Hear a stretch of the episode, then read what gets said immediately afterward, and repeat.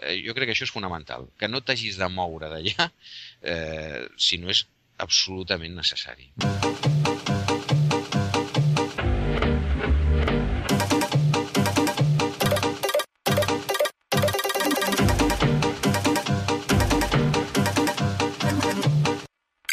Entre profes, converses amb docents. 3 W baixa punt applejux.org Hola, uh, això és Entre Profes, Converses amb Docents, un podcast en el que professionals de l'educació intercanviem experiències, serveis, eines, amb l'objectiu de millorar una miqueta doncs, la nostra tasca diària i amb l'il·lusió, uh, poder una mica utòpica, de millorar el futur dels nostres alumnes.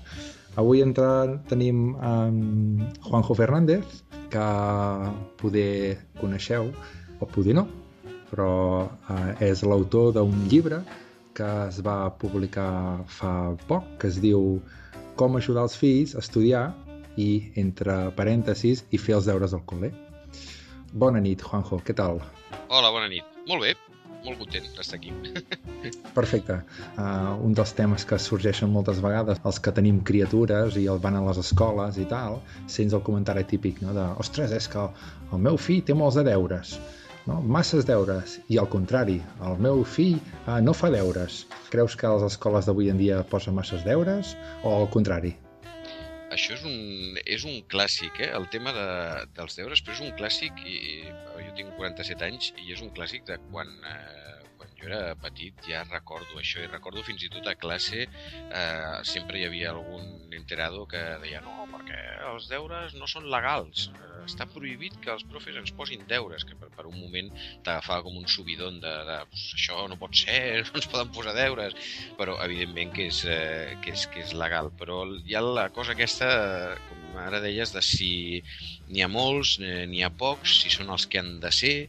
Eh, normalment qui es queixa de que n'hi ha masses deures és perquè té l'experiència que a casa seva doncs, la filla, normalment, perquè això acostuma a passar, igual estic sent políticament incorrecte, però sovint són les filles les que s'angoixen més amb el tema deures, doncs eh, estan fent constantment, fins i tot hi ha famílies que, que al cap de setmana no poden sortir perquè és que té molts deures i no pot parar de fer deures i això, i qui es queixa de que en tenen massa pocs és perquè té l'experiència de que a casa seva doncs, el fill no en té mai, o té l'agenda buida, o diu no, ja els he fet a classe, i potser després eh, els resultats doncs, no, no quadren amb això. Eh? Jo sempre, ja a tutoria amb els pares, a les entrevistes sempre ho deia, però el resultat final o la, la, la realitat objectiva quina és? Dir, la persona que té moltíssims deures realment els pot fer tots, allò li va bé, treu bones notes, se sent satisfeta, està aprenent. El que no en té mai eh, se n'està sortint, els resultats quadren amb allò que està fent o que no està fent o, com, o com va la cosa. I molt, molt, molt sovint, darrere de tot això, el que acostuma a haver-hi és poca comunicació amb l'escola. Eh, I això surt a les xerrades, quan hi ha aquest tipus de preguntes, de, bueno, però és que tenen molts deures, no? és que no en tenen mai. Dic, però, però heu, heu parlat amb, la, amb l'escola, heu parlat amb el tutor, amb la tutora, amb els professors, amb la direcció, i de vegades trobes que, que hi ha pares i mares que no n'han parlat massa amb els profes, Mm -hmm. ni, ni amb l'escola. Sí, no? És, uh, L'altre dia sentia no, no recordo exactament qui era, no? però el comentari era que uh, si el nen uh, no és capaç d'acabar els deures en un temps determinat, posa-li 30 minuts, posa-li una hora, depenent de l'edat que tingui l'alumne, és que aquests deures no estan ben posats. Sí, el, el, aquesta qüestió eh, de, de, dels deures, eh, a dir una cosa que segurament no, no guanyarà popularitat, però és veritat que alguna vegada ho, ho hem d'admetre, ja que estem parlant entre profes, alguna vegada hi ha deures d'aquests que són deures càstig. És a dir, que, que s'han posat per allò de que, de que com no heu callat i d'això, doncs tasca, té eh, ara doncs, més exercicis, i més exercicis, més exercicis. No sembla que sigui la millor manera de, d'actuar o això mateix, que si s'ha donat un temps i no s'ha acabat eh, els deures en aquell temps i no s'han acabat en aquell temps perquè, perquè realment era impossible, segurament no són deures ben posats. doncs com, com comenta el, José Antonio Marina, comenta en un llibre seu a l'Aprendre a conviure, que hi ha tres tipus de deures, i no, no parla d'aquests deures eh, referents als deures del col·le, eh, però, però després faig l'enllaç. Ell diu que a la vida hi ha uns, uns deures que són uns deures d'obligació, o de, no sé si diu d'imposició, de coerció, alguna cosa així eh, que, que sona molt malament, però que seria els deures que acceptes perquè te'ls posa algú que té una autoritat sobre teu.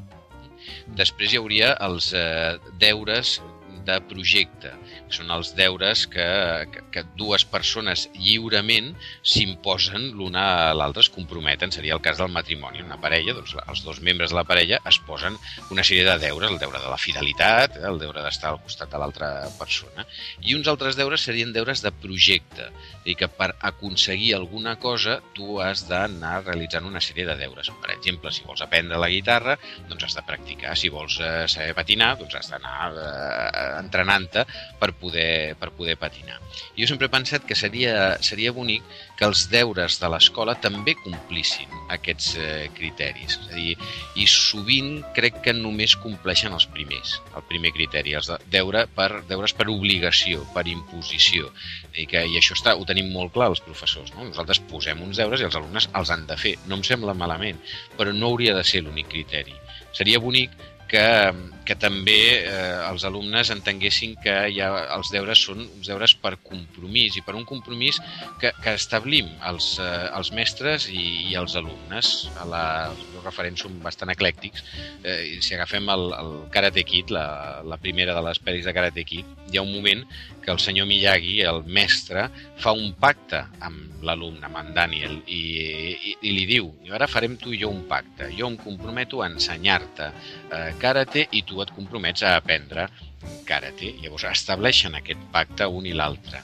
I, el, I el tercer, els tercers eh, deures, doncs, aquests deures de projecte, ostres, estaria bé que, que els nostres alumnes doncs, tinguessin aquesta idea de que, de que estableixen un compromís amb nosaltres i de que allò que fan, aquells deures que van fent, els portaran a saber més i a, i a poder viure millor i a poder fer moltes més coses en la, en la vida.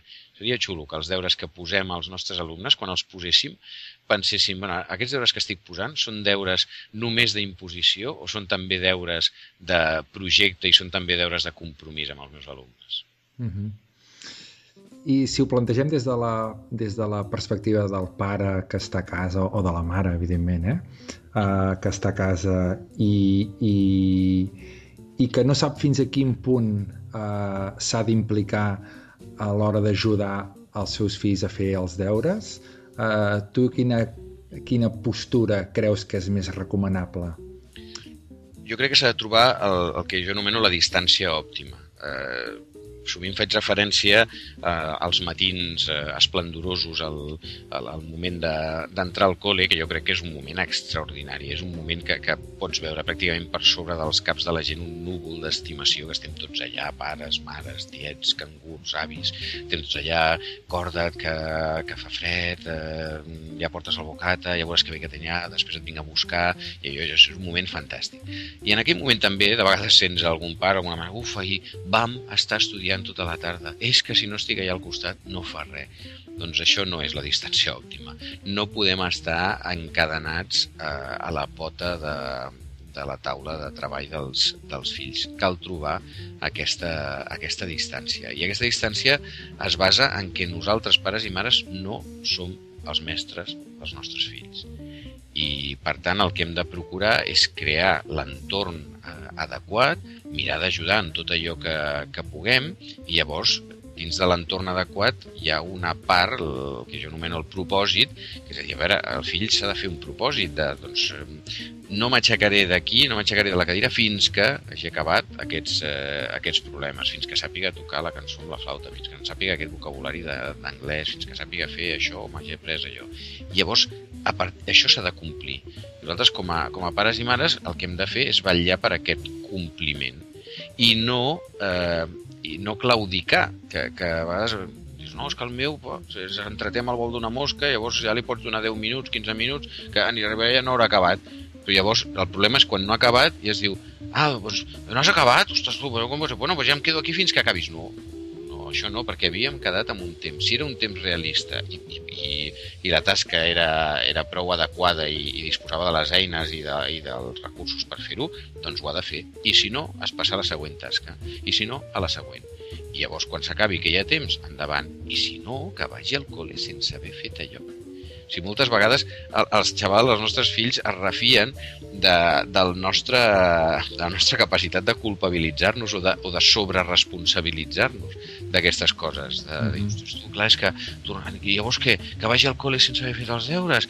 Però, clar, és que què pensaran els profes? Pensaran que, que no són bons pares, que, que no sé mates, que dius, no, escolta'm, pensaran el que sigui, vull dir, el, el xaval ha de fer uns deures, doncs si els ha de fer, els ha de fer, llavors posem el que estigui al nostre abast, però no ens sobre responsabilitzem perquè és que són els seus deures, no els nostres deures. Mm -hmm. També ja sembla que hi ha com una, una sensació uh, omnipresent no? de competitivitat, eh? sobretot amb, amb els projectes aquests que uh, van de casa en casa, no? el llibre, el conte viatger o el, o el llibre de les receptes, no? el que van a les cases i, i que quan t'arriben a tu dius, ostres, carai, no? quina, quina feina més ben feta, no? i arribes a adoptar uh, amb més uh, o més mala fe de si, real, de si realment... Qui ha fet, exacte, qui ha fet la feina. Això qui, això qui ho ha fet, no? Que dius, ostres... És molt bo, això. No, no, no, no, era, no era conscient d'això.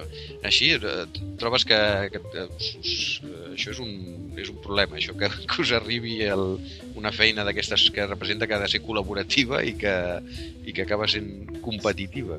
Sí, bueno, no, no sé si és que és, no, no crec que és un problema, no? Això depèn de cadascú de com s'ho pren, però, però uh, realment, no? I jo me'n recordo molt, jo em dedico a l'educació artística, i recordo quan els meus fills anaven a la guarderia i apareixien uh, no, amb una cosa entre les mans que deies, bueno, això, això no ho has fet tu ni, ni, ni en broma, no?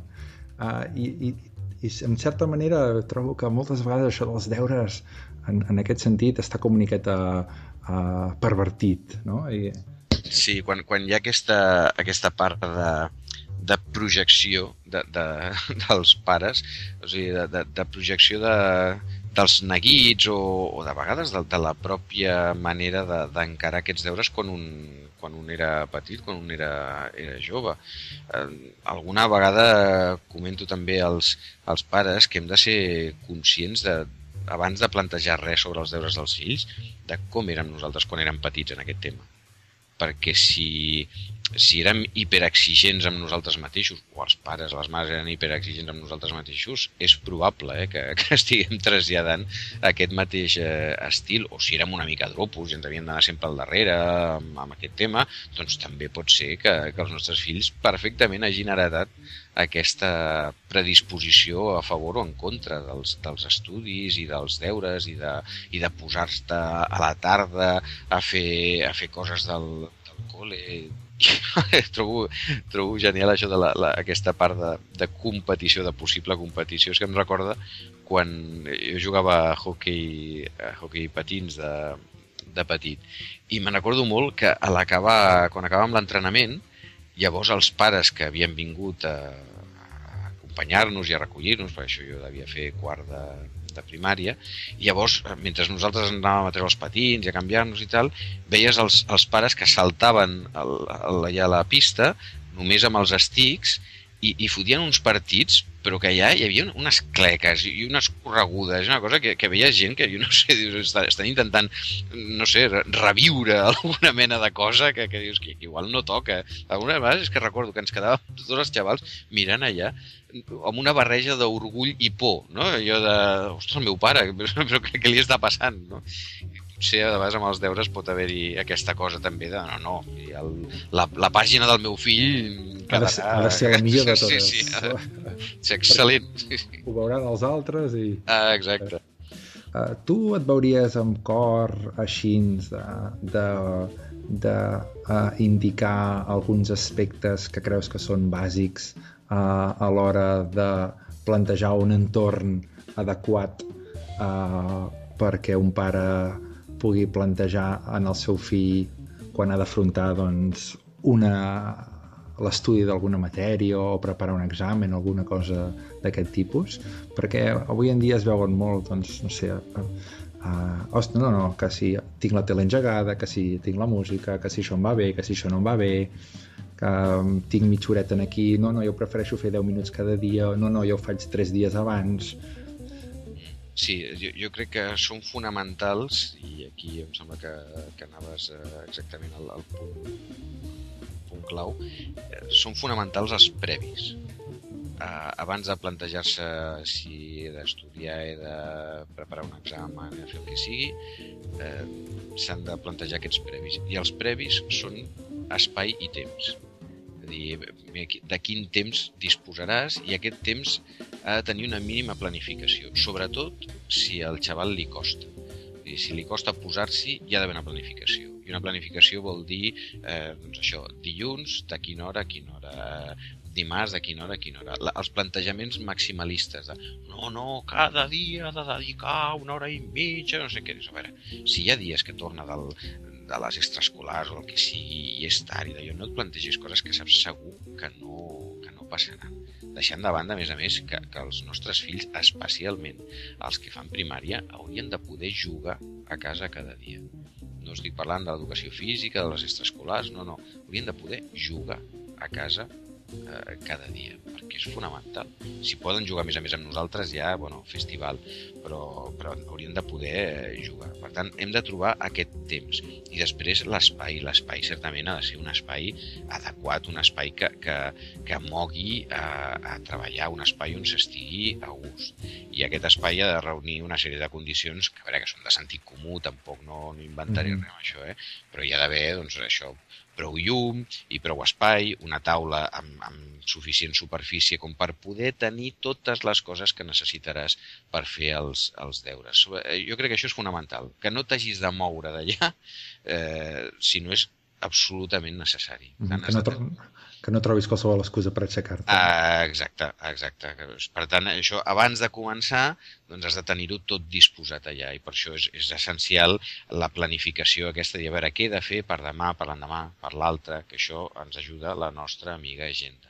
Llavors, disposar-ho tot allà sobre els llibres, la flauta, la calculadora, els diccionaris, l'ordinador, el que necessitis, realment que necessitis per a aquelles feines que, que faràs, i llavors a partir d'aquí doncs, fer-te uns propòsits, anar-los complint i anar, i anar avançant. Uh -huh. eh, mhm. però fonamental, fonamental són aquests previs, eh? espai i temps. Espai i temps. Molt bé. Doncs bé, eh, aquests i molts, molts, molts altres consells els podreu trobar al llibre d'en Juanjo Fernández, Com ajudar els fills a estudiar, i entre parèntesis i fer els deures al col·le, publicat per eh, Claret, i que bé, que trobareu a les llibreries habituals. I si et sembla bé, Juanjo, eh, passem al tema dels suggeriments.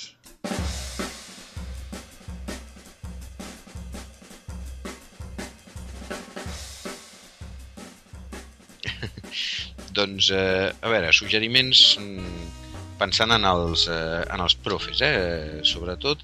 Mira, l'altre dia ens vam fer una formació allà a la, a la Fundació Escola Cristiana de Catalunya sobre l'Evernote.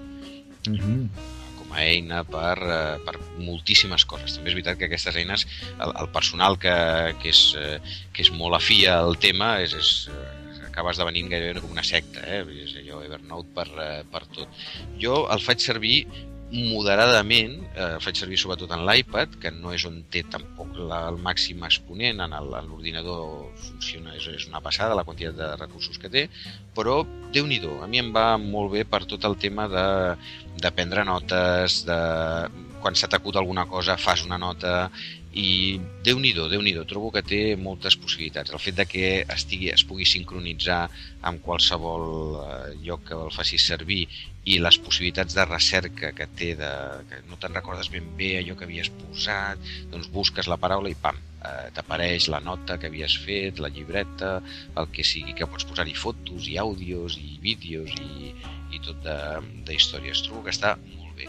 I la persona que ens va fer això és, és una ambaixadora d'Evernote, poca broma, i eh, es diu Meritxell Vinyes i té una, té una pàgina que es diu Totemguard, que, que està, està prou bé. És totemguard.com, recursos TIC per a professores i, i bueno, està, està xulo, jo crec que està, està no, anava a dir que eh, pels que ens estiguin escoltant que totes les URLs, webs i serveis i suggeriments que anem comentant eh, sempre estan iniciats directament des del nostre blog. Eh? Per tant, no fa falta que correu a buscar cap boli, que ho trobareu en allà.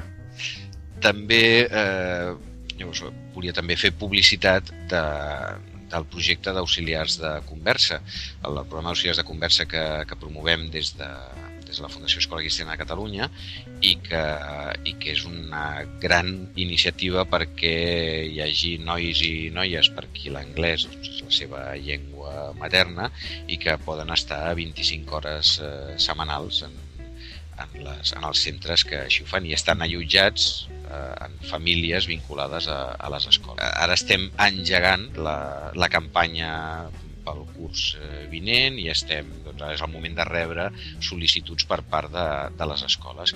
Enguany, a més a més, doncs, no només eh, proporcionarem auxiliars en llengua anglesa, sinó també en llengua francesa, que hi ha algunes escoles que, que els interessa, i es, eh, podeu trobar informació sobre això, especialment en la multilingüe, que és multilingüe.net, i també dins de la multilingüe veureu un enllaç cap al blog eh, PAC News, que, que és el, bloc de, del programa d'auxiliars de conversa que porta magistralment la Júlia Verdaguer, que és la tècnica de l'escola cristiana que, que s'ocupa de la part més d'orilla de, de tot això i que està en el, en el dia a dia.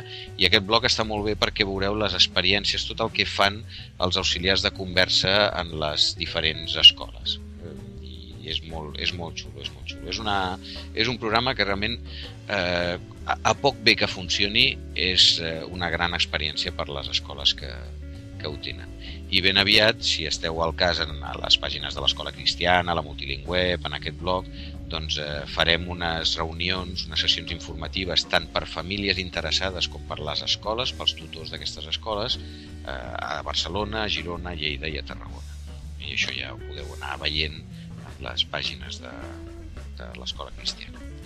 I una tercera recomanació, com de vegades ens pot agafar així una mica de, de bajoncillo, potser el, els profes, de, de dir, vols dir, val la pena, quines dificultats, ens tallen per aquí, ens tallen per allà, mm, per, eh, per si algú necessita una mica de vitamines i d'animar-se i de veure que aquesta feina val molt la pena, jo recomano una pel·lícula que sempre que puc doncs, recomano per tot arreu, que es diu Ser i Tener és una pel·lícula del 2002, una pel·lícula francesa, de fet és pel·lícula documental, eh, dirigida per Nicolas Philibert, i es, eh, parla de...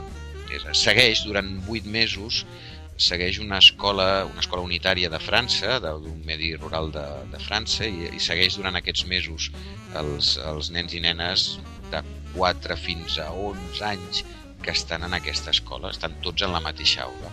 I el mestre, en George López, perquè és els seus pares són uh -huh. immigrants espanyols. Sí, doncs eh, és, és una cosa extraordinària. El, el veure bueno, allò que parlem d'aprendre per competències i tot això, doncs veus allà aquest home fent absolutament tot. L'aprenentatge basat en problemes, per competències i, i, i fent que s'avaluïn ells mateixos i avaluant ell també i el tracte amb els pares. És, és una pel·lícula per veure-la i reconciliar-te amb la professió o animar-te molt a, tirar endavant. Doncs per la meva part jo vull fer un suggeriment molt senzillet, molt senzillet, que sempre com a ara coordinador també d'anglès de la meva escola, sempre fa anys que repeteixen els pares i que, mira, ja que he sortit del tema del multilingüe, m'ha vingut al cap, uh, que és una cosa tan senzilleta, tan senzilleta, tan senzilleta, que és com posar tots els canals infantils que ara tenim de la TDTP, ai, de la TDP, de la TDT mhm. en versió original.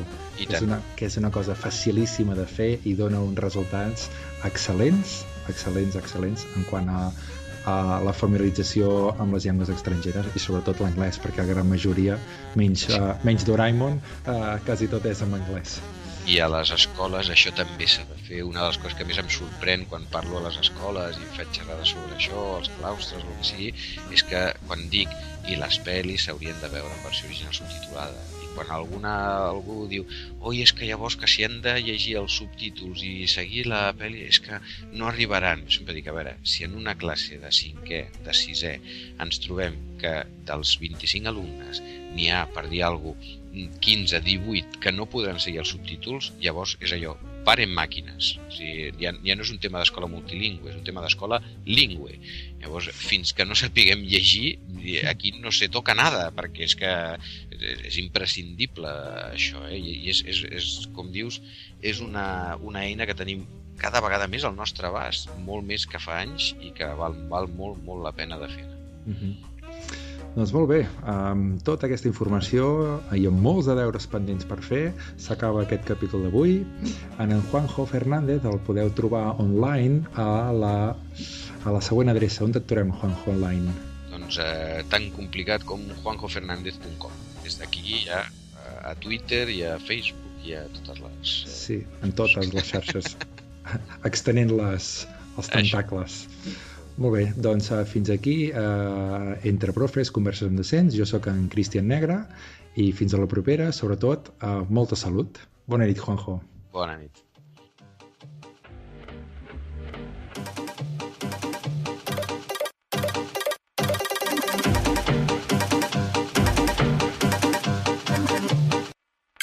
Entre Profes, Converses amb Docents. 3 W baixa punt. Applejux.org